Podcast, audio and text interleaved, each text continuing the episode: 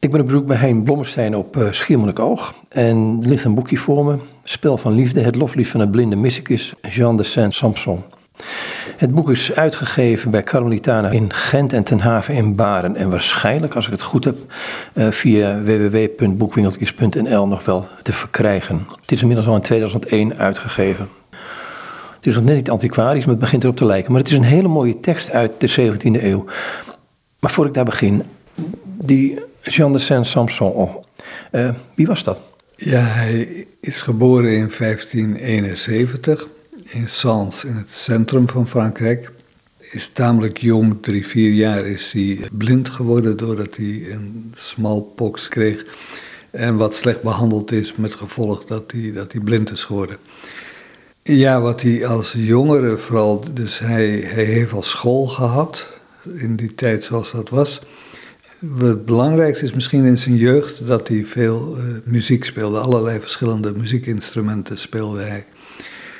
En heb ik uh, tegen de tijd een jaar of dertig was, denk ik, is hij naar Parijs gekomen. Daar, daar woonde een broer van hem, die getrouwd was, een, een zoon had. Daar is hij bij een huis gekomen, maar al snel daarna is die broer overleden. Toen is zijn vrouw overleden. En is hij min of meer op straat uh, terechtgekomen. Hij sliep her en der. Speelde ondertussen ook orgel. En verhuurde zich eigenlijk als organist in verschillende kerken. En daar kwam hij een beetje door aan de kost. Op een gegeven moment speelde hij uh, in de kerk van uh, Place Maubert, was een kerk van de Karmelieten. En vroeg toen aan een van de jonge broeders die orgel speelde van mag ik ook uh, eens op dat orgel spelen. En is er een vriendschap ontstaan en eigenlijk een clubje mensen, broeders die samen teksten lazen, spirituele, mystieke teksten lazen. Met gevolg dat al heel snel hij eigenlijk die teksten becommentarieerde. Dan is hij in de dertig al, dan wil hij graag karmeliet ook worden. Dat kan eigenlijk niet, omdat, om twee redenen niet. Dus men had al lang besloten dat men geen, geen lekenbroeders meer aannam. Dus die geen priester waren en, en doordat hij blind was. Ja, uh, wat moet je met zo iemand die blind is? Maar uiteindelijk krijgt hij toch toestemming om in te treden. Treedt in in Dol. Ja, dat was een tamelijk vochtige omgeving, moerasachtig, waardoor hij vaker ziek was. Maar dan is die hervorming van de Karmel, en dus de hervorming van Tour heet dat, maar het is in feite de hervorming van Ren. Die, die start dan en dan laten ze hem naar Ren verhuizen. Nou, dan leeft hij de rest van zijn leven, tot, uh, totdat hij sterft in 1636 speelt daar orgel, totdat het grote orgel uh, in de kerk komt, waardoor hij in feite niet meer in staat is om, is hij al te oud om dat nog uh, in de vingers te krijgen. Ja, en wat doet hij? Her en der wordt hij bij mensen, vooral bij stervenden, wordt hij geroepen. En hij dicteert teksten al heel snel. In, in, van 16, 11, 12, wanneer hij naar Ren komt, dan vragen ze hem een eerste stukje te schrijven of te schrijven. Dus uh, hij dicteert. Er zijn ongeveer 4000 bladzijden tekst van hem overgebleven. Daarvan hebben we nu vier delen uitgegeven. En er komen er nog een stuk of zes, zeven. We zijn nu bij een volgend deel, het commentaar op de Karmelregels, zijn we nu aan het voorbereiden. Ja, het is, uh, doordat hij wel uitgegeven is na uh, Descartes, zeg maar, na, na 1650, en dan, dan is er twee problemen. De mystiek raakt een beetje uit de mode. Dat is een probleem, dus men geeft het uit, maar corrigeert of vult aan, dus men bewerkt zijn teksten. En een tweede probleem is dat klassieke Frans ondertussen dan, want uh, dus hij, ja, dat is nog gesproken Frans. En dus de uitgever die, die fatsoeneert ook de taal wat. Nou, dan blijft het eigenlijk liggen tot begin van de, van de 20e eeuw. Dat, dat men weer met die teksten aan de gang gaat. Ja, wij hadden in het noviciaat in begin 60 jaren een dik Latijns boek wat over de karmelspiritualiteit ging. Daar kwam hij wel in voor. Maar ja, dat had mij nog niet echt getroffen. Totdat ik in, in Parijs studeerde, eh, begin 70 jaren. Ik ben toen een, een, boek gaan lezen van Suzanne Bouchereau eh, over de karmel en die hervorming, et cetera. Ik volgde colleges bij Orsibal en de Sorbonne. En die vroeg, heb ik wat aan het doen was. Toen zei ik, nou, ik ben dat boek aan het lezen. En dat eh, vind ik fantastisch. Dus over Jean de Saint-Sanson en, en de hervorming van de Karmel. En toen zei hij, nou dan moet je dus op bezoek gaan bij Madame Michel, dus Bouchereau, die op de bibliotheek Massarin werkt. En zij heeft mij in het begin gecoacht van hoe, hoe ik aan de gang moest gaan. En, en ja, dus eigenlijk dus vanaf begin 70 jaren ben ik helemaal ja, bevlogen door, door deze teksten. Het zijn fantastisch mooie teksten. En we proberen die nu dus uit te geven, dus in de oorspronkelijke vorm. En tegelijkertijd te kijken naar mogelijkheden voor vertalingen, vertalingen in het Frans, want het is gesproken taal uit de tijd voor het klassieke Frans. Maar het is heel boeiend, het is gesproken, gedicteerd en opgeschreven dus door de, de, secretarissen die geen goed Frans kenden. Want Frans was voor de Breton toch een vreemde taal. Dus die geen goed Frans kenden en die ook vaak de inhoud niet goed begrepen. Maar die schreven zoals ze, konden. Dat, dat, is heel boeiend. Dus, dus deze teksten die dus, uit, dus op deze manier op papier gekomen zijn, om die uit te geven en, en te proberen te snappen wat, wat, wat, waar gaat dit over? Ja, waar gaat het over? Als ik de inleiding lees van uh, Spel van Liefde, dan vraag ik me naar deze opmerking van je af van, hey, uh, is het wel door hem zelf geschreven, die inleiding? Want daar wordt, zegt hij van ja, ik ga over dingen praten en over dingen schrijven die, als je niet begrijpt, nou ja goed, parkeer het ergens of laat het maar liggen. En als je het helemaal niet begrijpt, nou, dan lees je het niet. Stop met lezen. Dus denk ik van, komt het dan van hem, naar deze inleiding van jou? Of is het toch zijn, uh, uh, degene die zijn, zijn tekst opschreef? Nou, dat kwam zeker wel van hem, want, want degene die, die schreven, dat waren vaak jonge novicen, dus, dus, dus twintigers, zeg maar die dit zeker niet hadden kunnen schrijven. Dat hadden op zich nog wel de uitgever uh, in de vijftiger jaren kunnen doen. Maar het staat in het oorspronkelijke handschrift. En het, het leuke is wel, dus het is gesproken. Wij kennen eigenlijk ook van Jan van het Kruis of noem maar op, dat zijn altijd gecomponeerde teksten.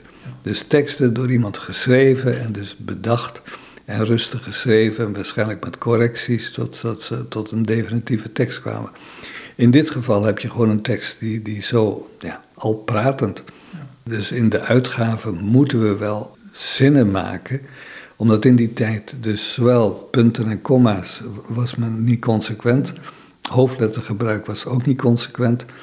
Dus in feite in het uitgeven moeten wij dus wel knippen in zinnen, maar zonder de tekst te veranderen, van nou hier moet een punt komen en hier moet een hoofdletter komen. Maar het, het is, ja, zo'n secretaris die schreef maar door. En soms dan is het gewoon, het is, het is gesproken taal, dus de, de, de woordvorm, de, dus, de, de, dus wat dan orthografie heet, dus hoe een woord geschreven moet worden, dat bestond nog niet vast, daar had men nog geen vaste regels voor. Plus die, die secretaris die, die schreef en zeker de, de geluiden op. Dus, dus die, wat hij hoorde schreef hij op. Soms moet je ook een woord hardop uitspreken voordat je begrijpt, oh ja, nou natuurlijk, dan moet dat er staan. Dus dat betekent dat. Hij staat in de Carmelitaanse traditie. Ehm, wat zijn daar de kernpunten van? Ja, dus leven in, in stilte en eenzaamheid en met die absolute concentratie op God. Dus een belangrijk woord wat hij bijvoorbeeld gebruikt, dat is abstractie. Maar dat betekent zeg maar dus, dus ja, Maria Petit, ook een Carmelitaanse mystica, die gebruikt dus de afgetrokkenheid van alles wat niet God is.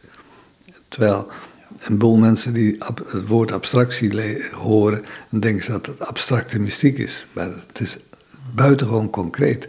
Maar het is dus dat loskomen van alles wat, alle projecties, alles wat wij in ons hoofd hebben, op weg naar God. Dus, dus de, Karmitaanse traditie is heel duidelijk dat dat puur op God betrokken zijn. Ik pak stuk uit zijn tekst of trefwoorden en dan moet je maar becommentariëren. Want eh, hij zegt in het begin, dus over die wederzijdse verliefdheid, de aanspraak van de bruid, zegt hij, maar u, mijn dierbare leven en bruidegom, hoe is het met u gesteld? Alleen al die vraag. En dan zegt hij, bent u niet hartstochtelijk gek op mij? Nou ja, dat zijn natuurlijk woorden die men niet zometeen, uh, niet zomaar gebruiken, denk ik. Ja, dus, dus het is, de grondervaring is, dus ik word door God bemind. En ik word door God onvoorwaardelijk bemind. En dat is zoiets onbegrijpelijks voor ons menselijk verstand. En de mystieke schrijvers, die, die voortdurend omspelen ze dat, dat idee dat, dat God verliefd is op ons. God, God is hartstochtelijk verliefd op mij, op jou, op ieder. En ons contact met God is heel sterk rationeel geworden.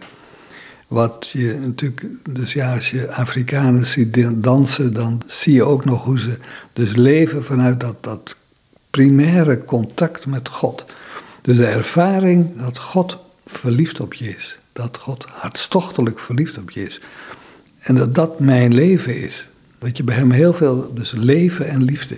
God is leven en liefde. Hij is liefde. Hij, hij bemint. En ja, het enige wat God doet is beminnen. Ja, dus, dus beminnen, dat is scheppen, dat is tevoorschijn kijken. Dus hij, je bent omdat, omdat je bemind wordt.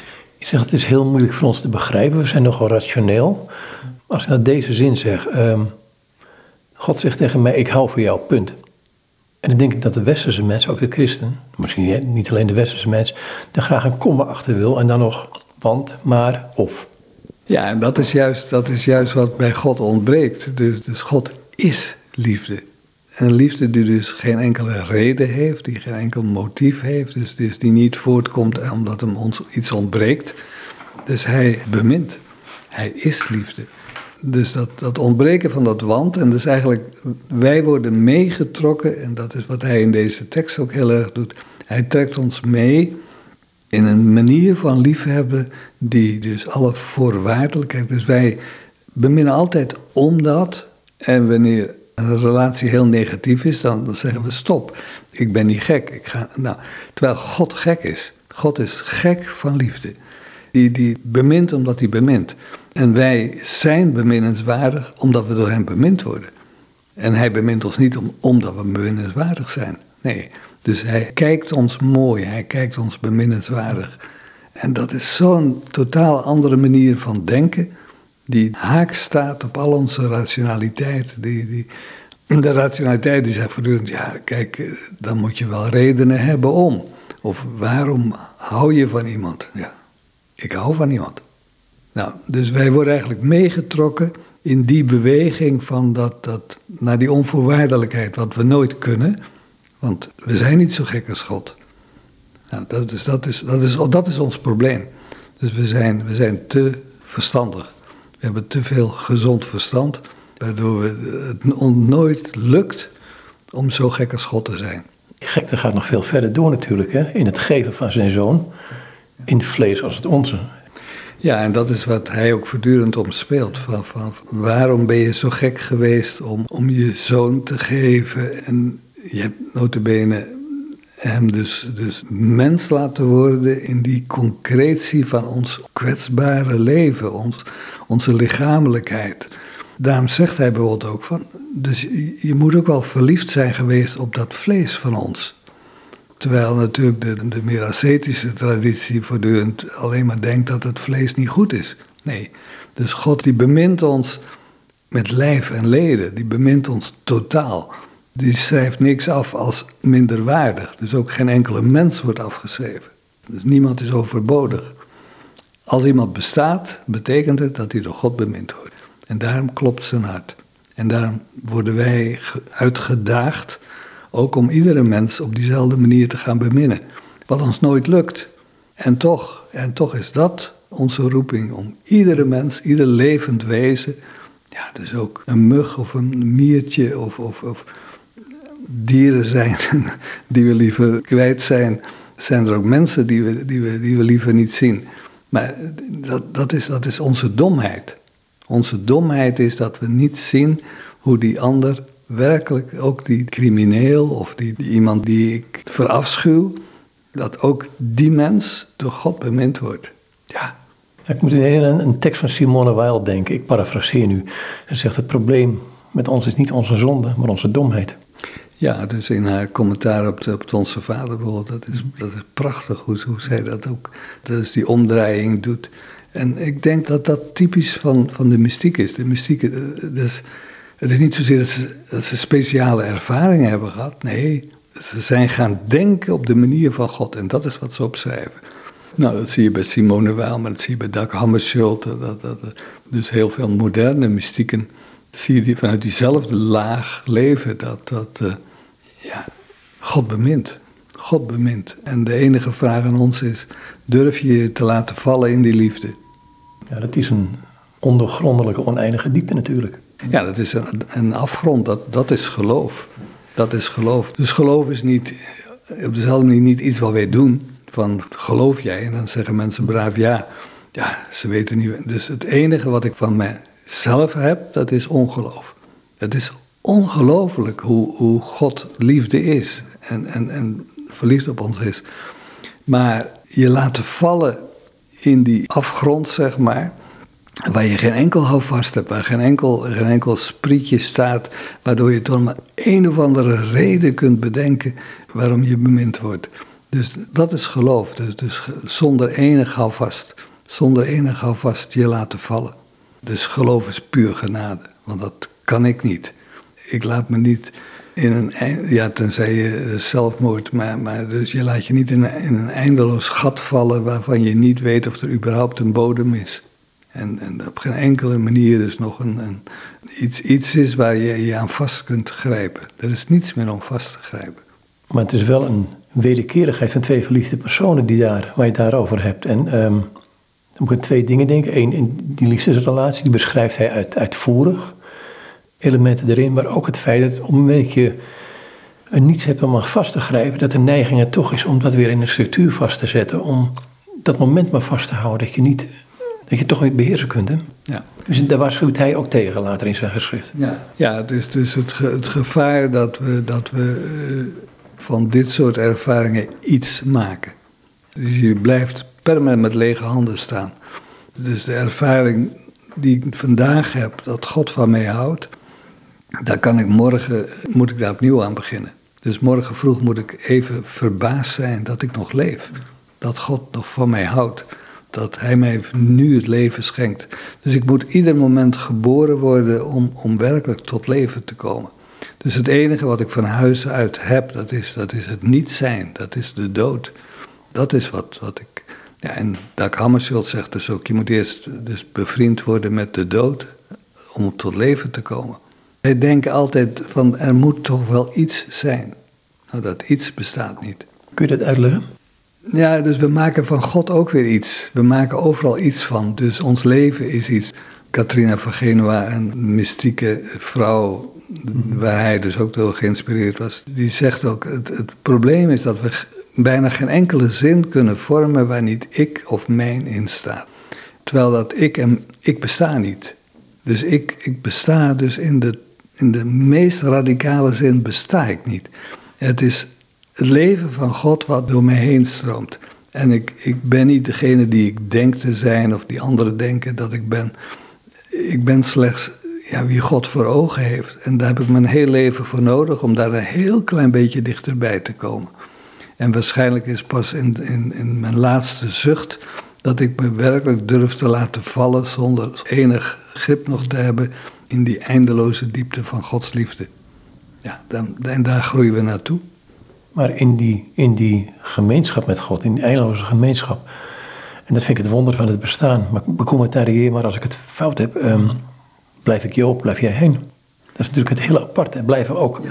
mens geschapenen. Ja. ja, dat is het, het spannende is dus dat we, dat we van één kant voortdurend in, in die, wat dan de geschapenheid, dus, dus in mijn, de concretie van mijn lijf, van mijn geest, van mijn verstand, van de dingen die ik doe, de, die concretie die is er. En tegelijkertijd is die er eigenlijk helemaal niet. Dus als ik handel, nu als ik spreek, is mijn spreken eigenlijk niet meer dan het luisteren naar de woorden die God spreekt. Maar door het zogenaamd ik ze spreek, lijkt het dat ik dingen zeg. Dus het, het is voortdurend dat, en als je schrijft, ja, dat zegt hij eigenlijk ook. Dus als je schrijft, dan moet je luisteren. Dus als je spreekt, moet je luisteren. Maar wij zijn zo vervuld van onszelf, van ons eigen ik, dat we in feite dus totaal vervreemd zijn van die manier van kijken, die manier van denken. En dus ja, weer los te komen om te gaan worden wie ik in Gods ogen ben. Maar begin er maar aan, want als hij me nou een briefje stuurde van hoe hij mij ziet, dan kon ik eraan gaan werken. Nee, dus dat doet hij juist niet. Een zuster die, die ja, al veertig jaar in een, in een absolute donkere nacht geleefd heeft. Een keer dat ik met haar in gesprek was, dan citeerde ik dat prachtige beeld van Jan van het Kruis, dat God een kunstschilder is en dat hij achter zijn doek zit en ons aan het schilderen is. Maar dat wij ongeduldig worden of willen weten wat hij doet en dan gaan kijken, ja, mijn neus zit, zit toch iets anders, et cetera. Terwijl hij kijkt ons tevoorschijn door ons te schilderen. Dat is een prachtig beeld. Maar toen had ik daar met die zuster over, toen zei ze, toen zei ze het is veel erger wat hij doet. Dus hij is voortdurend bezig om laagjes verf die wij erop gesmeerd hebben, om die weg te krabben. En hij, hij haalt al die kleuren, die lijnen, die haalt hij weg, tot zelfs dat hij het doek weghaalt. Dus hij, hij brengt ons terug naar het wezen van ons alleen maar uit God zijn. Wij zijn niets buiten God. Wij bestaan niet buiten God. Maar omdat ik dan zogenaamd toch besta, denk ik mijzelf voortdurend. Dus hij denkt mij. Ja, nee, God denkt mij. Dus hij, hij is voortdurend bezig mij, mij te laten worden. Enerzijds, dus, dus ja, mijn hart wat klopt, dat is het gelaat van God. Dus hij denkt mij tevoorschijn, hij kijkt mij tevoorschijn. Hij hoopt dat ik ga meegeven, meegeven met wie ik ben in zijn ogen. Wie ik ben in zijn gedachten. Wie hij van eeuwigheid af voorzien heeft. Ja, in die breekbare mens die hier op deze stoel zit. Terwijl dat geen, niet een vastliggend iets is, wat, wat voor mij althans vastliggend is. Dus waar ik, ik bij kan komen, of wat ik zou kunnen, ja, waar ik iets aan zou kunnen doen. Er valt niets te doen. Het enige wat ik, en, en dan kom je bij de Karmitaanse spiritualiteit, dus de contemplatie. Ja, het is gaan zien wat God aan het doen is. Gaan zien, dus, dus zonder je ermee te bemoeien. Gewoon te kijken hoe God in mij, in jou, in ieder mens handelt. En dan bestaat de neiging dat wij worden heiligen genoemd hè, in de brieven van Paulus. Dat wij heilig willen zijn en beginnen aan onszelf te werken. Ehm, en daar heeft hij ook een bepaalde kijk op, tenminste de Karmelitanen, dacht ik ook. Ja, dus heiligheid. Dus, dus heiligheid is, is in feite dus die heiligheid die God in ons legt. Het is, het is de heiligheid van God. Dus mijn heiligheid is niet meer dan, dan die, een afspiegeling van die heiligheid van God. Dus Teresa van Lisieux, die, die in beginjaren dus voortdurend een heilige wilde worden. Een soort Jeanne d'Arc. Ja, ik moet er altijd om lachen als ik dit zeg. Ja. Ja, ja. dus, dus pas wanneer ze, wanneer ze in die laatste 18 maanden, wanneer ze alles kwijt is, ook de geloof kwijt is, dan pas, dan pas wordt ze tot de heilige die God in haar ziet. Wordt je dan doorschijnend? Ja, dat is wat Dag Hammarskjöld dus ook de, de transparantie, de doorschijnendheid. Dus, dus, eh, en dat is Christus eigenlijk ook. Christus is pure doorschijnendheid van de Vader. En dat is wat de leerlingen zien. Die zien in hem de Vader. Ja, onze roeping is om, om ook net zo doorschijnend te worden als Christus is. Doorschijnend tot op God. Dus, dus wanneer je naar iemand kijkt. En dat heeft dus twee kanten. Het is van één kant van de persoon uit. Betekent dat zonder aan mezelf vast te zitten, ik doorschijnend moet worden. Dus, dus, dus. Maar het is ook kijkend naar een ander, voorbij de, de ander die ik zie. Dus ik, ik zie een ander en heb dan onmiddellijk plak daar allerlei plaatjes op, allerlei ideeën op, allerlei definities of identiteiten plak ik op die ander. Maar de ander voorbij de ander gaan zien, dat is, dat is de ander in de ogen van God gaan zien. Ja, en die zie ik en die zie ik niet. Dus mijn ogen denken voortdurend een ander te registreren, maar mijn ziel maakt contact met een ander op een veel dieper niveau, met die werkelijke ander. En die ander is dan anders. En, en dan praat je niet over, we zijn hier in klooster, dacht ik, en praat je niet over gelijke monniken, gelijke kap. Ja, Kijk, dat is eigenlijk ook een, dus nabijheid is ook een manier om los te komen van identiteit. En, en in die zin gelijke monniken, gelijke kappen. Want ja, maar dat geldt voor ieder mens. Voor iedere mens, hoe die ook gekleed is, hoe die er ook uitziet. En welke kleur van huid hij ook heeft, dat maakt allemaal niets uit. Ieder mens is dat beeld van God. Dat beeld van God en meer niet. Nou wordt er in de mystiek vaak het woordje, in de middeleeuwen zeker, het woordje vernieten gebruikt. En jij gebruikt het hier in het commentaar op, op zijn, uh, ja wat is het, een soort hooglied lijkt het bijna wel. Uh, gebruik je het ook? Ja, het is dus eh, de meer ascetische, die gaan dan vernietigen gebruiken, wat natuurlijk een verkeerd woord is. En het mooie is juist van, de, van de, onze Nederlands, Nederlandstalige mystiek is dat woord vernieten. Dus dat is teruggebracht worden tot dat niet wat ik ten diepste ben. Maar niet is ook een godsnaam. En dan gebruik ik het soms met een hoofdletter. We gebruiken het woordje God, maar dat is het mooiste woord omdat je niet weet wat je zegt. Dus wie is God nou? nou ook daar kom ik met mijn verstand niet bij. We gebruiken het woord liefde, maar ook liefde weet ik niet wat ik zeg. Die wordt voortdurend voorbij het grijpbare, het begrijpelijke, het definieerbare. Die wordt voortdurend voorbij gebracht. Nou, en vernieten, dus me laten vernieten, dat is, dat is dus me laten terugbrengen tot dat niet wat ik ben. Dus dat is pure beminnenswaardigheid in de ogen van God. Maar ja, wat is dat? Wat bemint hij nou in mij? Ja, niets, niets. En dat is juist mijzelf. Dus hij bemint niets in mij om iets. Nee, ik ben, ik ben en dat is zijn liefde. Dat is zijn liefde. En meer weet ik niet. Dus dat vernieten, dat Jean die gebruikt dat dus met het, de Franse woorden. Ja, hij, hij las natuurlijk Rusboek in de oudste vertaling in het Frans.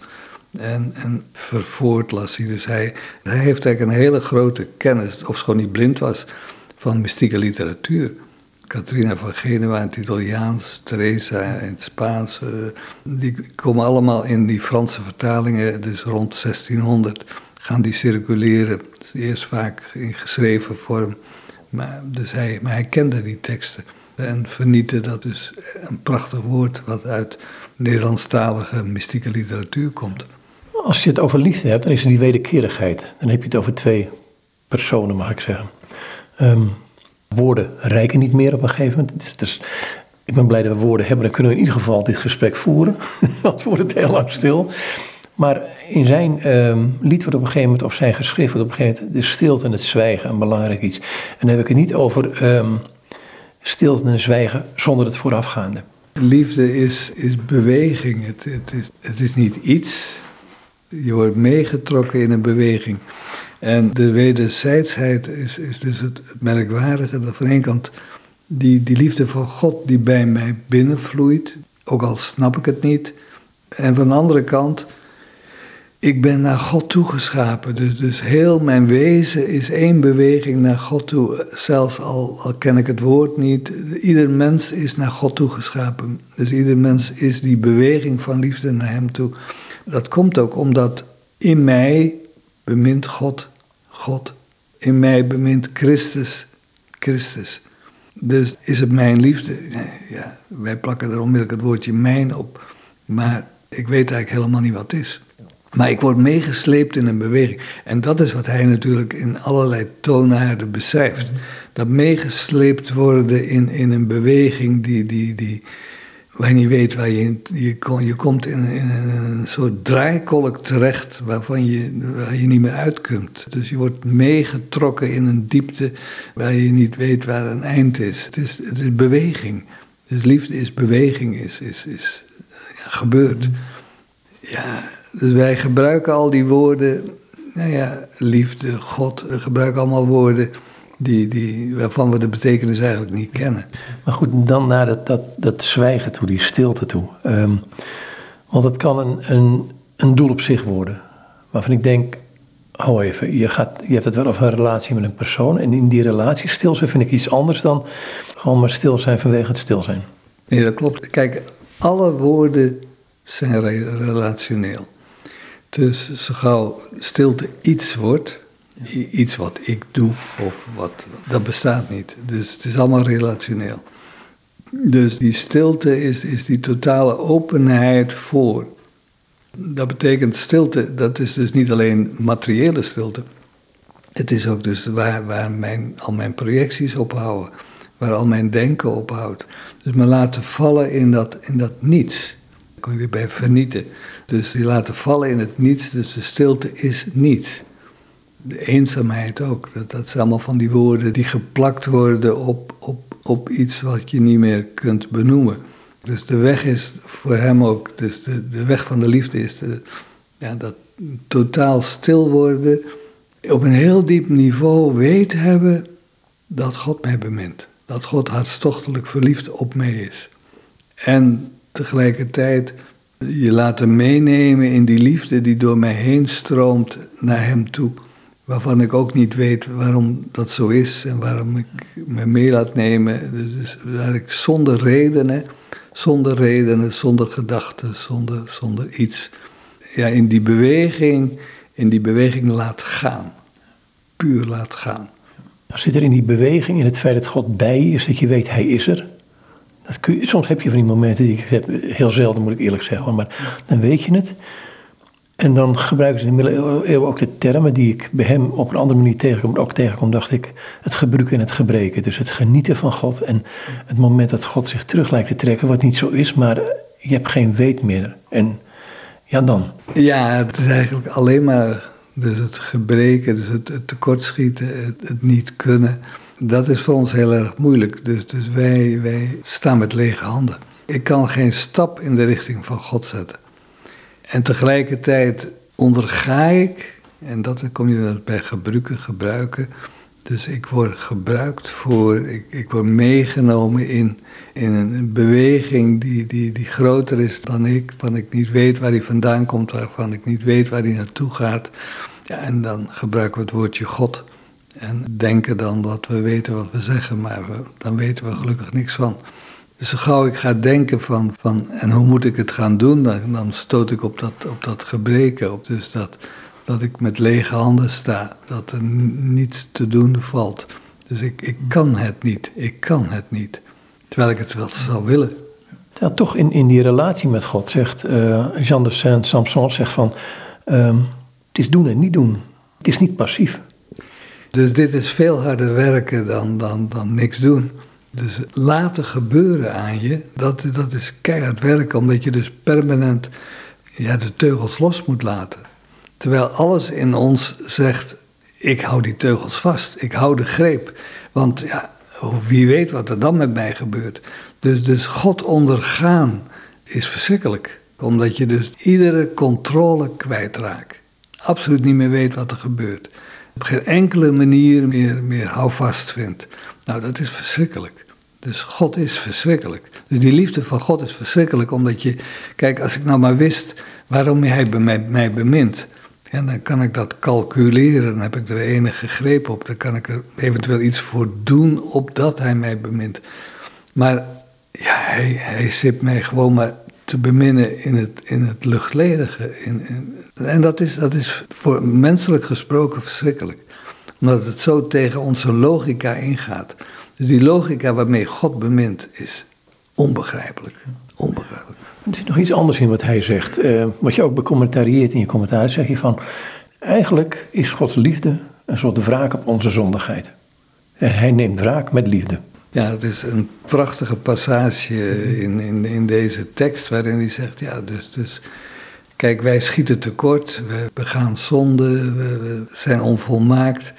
Nou, en hoe neemt hij nou wraak op ons? Door ons te beminnen.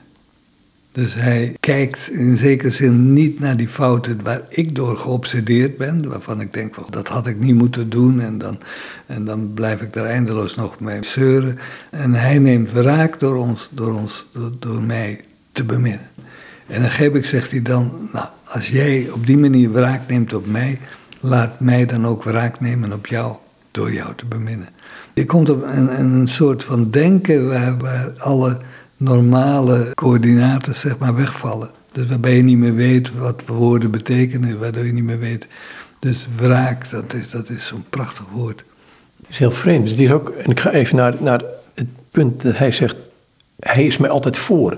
Ik heb dit een keer horen zeggen bij een, uh, een uh, 19e eeuw schrijver uit Schotland, George MacDonald. Die zei op een gegeven moment, op het moment dat ik roep tot God, help, dan is zijn gedachte daar al achter, zijn, zijn roep daar al achter, zit er al onder. Ja, zelfs mijn roep, help, krijg ik van hem. Dat is wel een respons in wezen. Ja, dus hij, hij, hij is ons op alle manieren. Dus hij, hij bemint mij van eeuwigheid af. Nou, daar kan ik niet voorkomen. En dat is zoiets onbegrijpelijks. Dat voordat ik lichamelijk bestond, ik van eeuwigheid al in zijn gedachten was. En dus al een eeuwigheid al in zijn liefde was. En ja, waarom? Omdat hij liefde is. En dat is het ergste wat er is. Dat hij liefde is.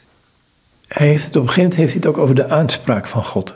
Dat is, dat is het tweede gedeelte, dacht ik, van dit, van dit werk. Ja, het is, het is merkwaardig gecomponeerd, deze tekst. Vooral het tweede deel, dus, dus dat hij het vanuit God kijkt. Dus hoe God naar ons kijkt. En dat is zijn woord, dat is Christus. Christus is zijn woord, is zijn liefde. Zijn mensgeworden liefde, zijn mensgeworden woord het lezen in de schrift is ook voortdurend, uh, voortdurend bij die laag komen van de schrift gaat over mij. En zoals Kierkegaard zegt, iedere regel, ieder woord gaat over mij. Gaat niet over, over die of dat, over, over Mozes of, of maakt niet uit wie. De hele schrift gaat over mij. Dus, dus om te gaan lezen op die manier. En dat is wat deze mensen natuurlijk ook ja, dus de, de Divina, het lezen van de schrift, dat is, dat is dagelijkse praktijk, maar het is ook hun leven. Dus ze denken in de schrift. Ze denken in de schrift. Ze denken in de woorden van de schrift. Dat is eigenlijk de enige taal die ze hebben. Het zijn allemaal schriftwoorden eigenlijk. Bijna elk woord kan je, kan je terugvoeren naar de schrift. Het is geen speculatief gedeelte, het tweede gedeelte. Nee, het is dezelfde ervaringstaal, alleen vanuit een ander perspectief. Maar het is, het is de pure ervaringstaal. Deze tekst is misschien wel waar hij zich het meest heeft laten gaan. Andere teksten zijn misschien toch iets denkender. In deze tekst laat hij zich echt, dus het is in die zin vergelijkbaar met, met hoogliedcommentaren van, van Bernardus of, of Willem van Saint-Thierry, et cetera. Daar komt het het dichtste bij. Maar het is op geen enkele manier speculatief. Dus hij, hij laat zich gaan en, en, en ja, de secretaris heeft het zo opgeschreven ofschoon hij wel weet heeft van zijn eigen teksten, dus ook zegt zoals ik elders wel geschreven heb. Het merkwaardige is bijvoorbeeld, als hij in die tijd heb je, je had nog geen radio en televisie en geen kranten, eh, maar de nieuwtjes gingen heel snel door Europa heen. Dus in die tijd, in de 1630 in die jaren, heb je de zogenaamde Possession de Loudun. Dus dat een aantal zusters in Loudun, dat die zogenaamd door de duivel bezeten zijn. En dan schrijft hij brieven naar, naar uh, Elisabeth Blanchard, dus een van de, de topfiguren van die, die bezetenen, zeg maar. Maar hij schrijft brief, brieven eigenlijk waarin hij, waarin hij dus, dus zegt van ja, kijk, waarom neemt de duivel jullie te grazen? Omdat God zoveel van jullie houdt. Dus de duivel probeert roet in het eten te gooien. En dan krijg je een heel andere manier van kijken van mensen die door de duivel bezeten zijn. Maar in die periode, ook vanuit Nederland, ging men op reis naar Loudun om dat mee te maken. Dat was, het spektakel. Dus men had nog geen voetbalwedstrijden, et cetera. Terwijl hij is dus ook een heel concreet iemand. Die is ook moeder koningin die in opstand is tegen haar zoon, de koning Maria de Medici. Schrijft hij ook brieven aan, zich fatsoenlijk moet gedragen naar haar zoon toe ook. Het is iemand die heel concreet is, dus die heel met twee benen op de grond. En die tegelijkertijd alleen maar kan denken vanuit die liefde. Er kwamen mensen naar hem toe voor advies, dacht ik. Hè? Hij was een geestelijk raadgever. Ja, zowel dus in de stad kwamen mensen naar hem toe. De tekst die deel 1 staat, die heeft hij geschreven voor, voor de bisschop van Dol. En die kent hem dus al van 1689, wanneer hij in Dol eh, nog is. Dus die bisschop komt regelmatig naar hen toe voor geestelijke begeleiding. Dus hij is de geestelijk begeleider van, van belangrijke mensen. Ook de, de koningin, die, die verzoekt hem dus, dus om advies, et cetera. En mensen dus gewoon in de stad. Hij werd ook wel Hij is blind, maar werd dan gehaald om bij stervenden te komen, et cetera. Heel veel van zijn teksten zijn eigenlijk, zoals eigenlijk alle mystieke teksten, zijn teksten van geestelijke begeleiding. Die komen voort uit dat van hoe help ik mensen nou. Want ja, als God je overkomt, dan ben je totaal sprakeloos. Dus hij werd, Emma werd om advies gevraagd, er werd hem om teksten gevraagd. Dus die bischop Antoine Roffol, die vraagt hem ook, ze, kun je een tekst voor mij schrijven voor mijn geestelijk leven? Nou, dan schrijft hij die tekst ja, schrijft, dicteert. Maar over het hoofd van die bisschop heen is het alweer een tekst die voor ons is. Dus die nu leest alsof, alsof hij voor mij geschreven is. Ja, we denken misschien toch te veel nog in theologieën, denk ik. Ja, dat is dus het leuke. Dus hij denkt niet theologisch. En zelfs, ja, zelfs Jan van het Kruis, ze denken eigenlijk geen van alle volgens het boekje. Dus ja, men maakt in die tijd dus, dus onderscheid tussen natuurlijk en bovennatuurlijk. Nou, de theologen die weten dan precies wat ze, wat ze bedoelen. Maar hij bijvoorbeeld op een passage en zegt hij, ja, natuurlijk of bovennatuurlijk. Zo van, nou ja, gooi maar in mijn pet, uh, maakt mij niet uit hoe het heet. Maar hij weet wel waar het over gaat. Hij constateert ook de, het tekortschieten van de taal, ook de taal van de theologie, de, logica van de theologie.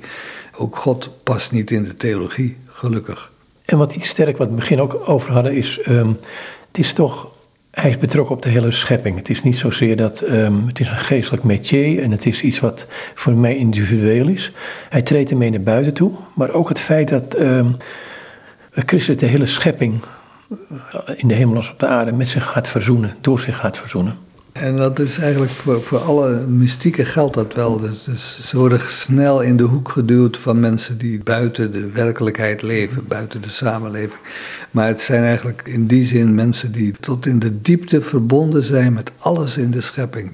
Kijk, in de beelden, dus merk je bij hem dus, dus als blinde, heeft hij meer met beelden van water dan van vuur.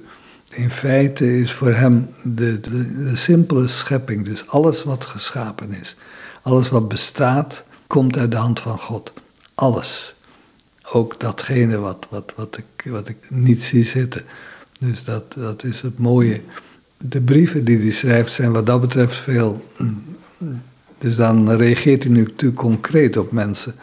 Maar hij heeft ook een hele serie teksten geschreven voor zieken en stervenden voor ouder worden heeft hij teksten geschreven. Dus, dus hij, hij weet hoe, hoe, een medebroeder worstelt met het ouder worden en dingen niet meer kunnen. Ja, de concretie van het mens zijn is voor hem, of schoon niet, maar ook ja, dus, dus als hij orgel speelt, die hebben dan hemelse tonen, daar gebeurt iets. Dus, dus hij speelt orgel, maar in feite speelt God orgel. Hij luistert ook zelf naar wat God speelt door zijn vingers heen. Ja, dus de hele schepping is van God. En de hele schepping, Romeinen 8 zegt dat zo mooi, uh, rijkhalsend ziet ze uit in de openbaring van de, van de, de openbaring van de zonen van God. Ja, dat is dus, het is één grote beweging van ons terug naar God. Terug naar de oorsprong, terug naar de bron waar we uit voortkomen. En waarin, hij is ons thuis. Hij is ons thuis. Dat is de enige plek waar we thuis kunnen zijn, dus in God. En zolang ik nog in ik-vorm denk, sluit ik mij af. Sluit ik mij af van, keer ik mij, met Augustinus gesproken, zeg maar, keer ik mij af van God. En of ik keer mij toe naar Hem, dat betekent dat ik de grondbeweging van mijn, van mijn wezen volg. En dat wordt dan meestal weer met bekering vertaald. Maar het is in feite dus die toekeer naar God toe. Dat is eigenlijk, dat is, dat is, dat is luisteren naar, naar je diepste wezen. Maar zo gauw ik met mijn ik bezig ga, dan, dan, dan loop ik bij God weg. Nou, en dat is het spanningsveld waarin wij voortdurend zitten tussen, tussen meegeven met die toekeer of toch weer terugbuigen op jezelf. En denken dat het om mij gaat. Nou, dat gaat niets om mij. Ja, hij noemt het het meest verschrikkelijke als ik tussen de regels doorleef. En wat je kan overkomen, of wat je jezelf kan doen overkomen, is helemaal teruggeplooid zijn op jezelf. En, want dan, dan leef je in wezen in een soort hel. Ja, dat is de hel. De hel is in feite dus, afgesloten zijn van God. Dus God terzijde laten. Dat is de hel. Ja, wordt hij bijvoorbeeld ook geïnspireerd door, die prachtige tekst van, van Katrina van Genua. Die, in het Nederlands hebben die uitgegeven met de titel Vuur van Liefde. Maar dus in het Italiaans is purgatorio, dus, dus het vage vuur. De oorspronkelijke betekenis van vage vuur is ook het, het, het vuur wat wegveegt. Dus dit leven is een vage vuur. Dus een vage vuur, dus, dus een vuur van liefde waarin wij door God gelouterd worden, gelouterd worden om steeds meer te zijn wie we eigenlijk zijn. Om steeds meer te worden wie we in zijn ogen zijn.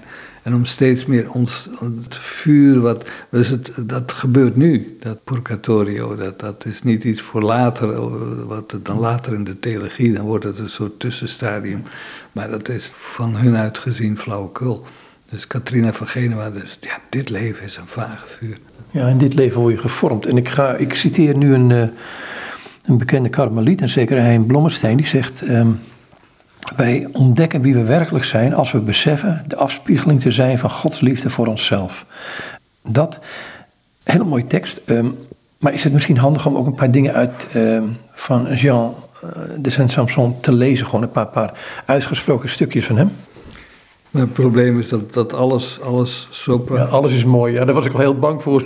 Dat welke pagina je ook pakt, het, het is allemaal. Uh...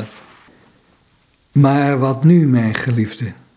Alle en vooral uw dierbaarste bruiden zijn stom verbaasd over de zo ongewone wraak die u op hen hebt genomen voor hun vroegere ontrouw. Want zoals uw goddelijke bruiden verzekeren, was het uit wraak dat u zich met uw goddelijke majesteit en bestaanswijze met hen alle in het huwelijk verbond. Door een onzegbaar mysterie en onvergelijkelijk liefdessacrament. Dat door de werking van die grote actieve liefde uw verliefde bruiden steeds meer en steeds beter in liefde omvormde door de werking van die actieve liefde zelf. Dus het is prachtig hoe dus, dus God neemt wraak op ons voor onze ontrouw door ons te beminnen. En door zichzelf te geven en ons te maken tot, dus om te vormen tot zijn werking van liefde. Dus dat er, dat er niets ik meer zit in mij, maar dat ik puur doorschijnendheid van die liefde van God word. Dat sacrament doet uit het diepste ervan in haar overvloeien op het ogenblik zelf van hun echtvereniging. Dus het sacrament is, is, is dat met God in het huwelijk treden, wat voortdurend gebeurt in iedere mens. Een stortvloed van goddelijk licht, vreugde en genietingen, waarmee ons goddelijk huwelijk wordt voltrokken. Goddelijk voltrokken tussen haar en u en nog meer in het onvergelijkelijke van ons beiden, waarin wij zijn uzelf, in uzelf, uw liefde, in uw liefde, uw genietingen in uw genietingen, en uw eeuwige contemplatie in uw vreugde en contemplatie. Door de actieve gloed van ons gezamenlijke en wederzijdse liefdespel worden wij dan snel en zonder ophouden meegesleept in dat gezamenlijke, wederzijdse en eenvoudige genieten de een van de ander. Dat op eenvoudige wijze voltrokken wordt in de eenheid van ons beiden. In eenvoud van geest, van inzicht, van gedachte, van begrip, van aandacht, van licht, van smaak, van rust, evenzeer als van liefde. Dat, mijn geliefde, is uw liefde, die overvloedig aan de dag treedt, waarvan wij de zo verbazende en alles overtreffende gevolgen zijn, niet zozeer in ons, maar in u, die overvloeit van overgrote liefde in ons en voor ons. Dat is prachtig, dus, dus onze ontrouw, hoe God daarop reageert door ons, door ons op zo'n overweldigende manier te beminnen en ons mee te slepen in Zijn liefde. Dat we dus ook onszelf gaan zien met Zijn ogen, onszelf gaan beminnen met Zijn liefde. En, dan pas houd je werkelijk van jezelf. Dus, dus ja, dit is, tegenwoordig, dit is eigenlijk buitengewoon modern voor allerlei mensen die lijden aan hun, hun gebrek aan, aan, aan liefde voor zichzelf. Wat ze dus vaak gekregen hebben, dus doordat mensen niet van ze hielden. Maar ten diepste, ten diepste heeft iedere mens weet, heeft iedere mens weet, en zeg maar de, de baby die pas geboren wordt, heeft al weet van die liefde van God. Heeft al weet van die, die hand van God die de baby tot, tot leven wekt. En dat is een diep weten wat eigenlijk nooit verloren gaat. Wat er ook aan, aan onbegrip of mishandeling of wat dan ook op volgt. Die hele diepe laag die, die blijft ongeschonden. Daar, daar kan niemand bij komen. En dus, de, dus mensen weer helpen om bij die laag te komen, dat is eigenlijk, eigenlijk wat hij doet ook. En wat, wat het meest belangrijk is. Het verbaast me altijd, of verbaast me altijd. Ik vind een van de meest aparte dingen die ik steeds verder in ouderdom ontdek, is dat we eigenlijk alleen maar behoefte hebben om gezien te worden, geliefd te worden. En, en veel verder gaat het niet. Want we maken er zo omheen. Hè? Ja, dat, dat, is, dat is, maar we zijn gezien in God. Kijk, misschien, misschien is de, de diepste oorzaak van depressie en van, van onze depressiemaatschappij waarin we leven, dat mensen deze, dit contact kwijt zijn met God. Het contact kwijt zijn met, met God die mij bemint en die mij hoe dan ook bemint. En hoe ik ook naar mezelf kijk. En pas wanneer je dus met die ogen van God kunt gaan kijken naar jezelf, ja, dan. dan maar dat, dat verlies van, van, van, van besef van God, dat is misschien wel de grootste ramp waarin wij veel erger dan, dan corona of hoe die dingen ook allemaal heten. Dus dat verlies van het besef door God bemind te worden. Zomaar, zomaar. Hij bemint ons omdat hij gek van liefde is. Dat is, is zo'n prachtige uitdrukking ook, wat hij ook gebruikt. Gek van liefde. Dus ja, ja en, en God is werkelijk gek. Ja, dus, dus uh, als Christus nu rond zou lopen, dan zou men hem al heel snel in een psychiatrische inrichting plaatsen. En, nou ja, dat is gelukkig toen nog niet, maar dus op die manier van mensen houden, oog voor ze hebben, dus ze zien, dus werkelijk gezien zijn. Dus ja, ik, door God word ik ieder ogenblik tevoorschijn gekeken. Maar zo gauw ik die blik vergeet, maak ik mezelf onmiddellijk afhankelijk van al die mensen die naar mij kijken en die iets over mij denken en iets over mij zeggen en die allerlei plaatjes op mij plakken, identiteit aan mij geven waar ik aan moet voldoen. Nou, dan, dan ben ik onmiddellijk vervreemd van mijzelf, omdat ik ook vervreemd ben van God. Dat is eigenlijk de diepste oorzaak. Ik wou het hierbij laten, dankjewel. Prima, dankjewel. Dankjewel, joh. En dat zei Hein Blommestein. Met hem was ik in gesprek over de blinde mysticus Jean de Saint-Samson. Ehm, over het boekje Spel van Liefde. Het is een boekje uitgegeven in de tijd door uh, Ten Haven en Carmelitanen. En waarschijnlijk op uh, www.boekwinkeltjes.nl wel te vinden of te traceren. Goed, zoals ik al zei, tot zover dit gesprek met Hein Blommestein over Jean de Saint-Samson.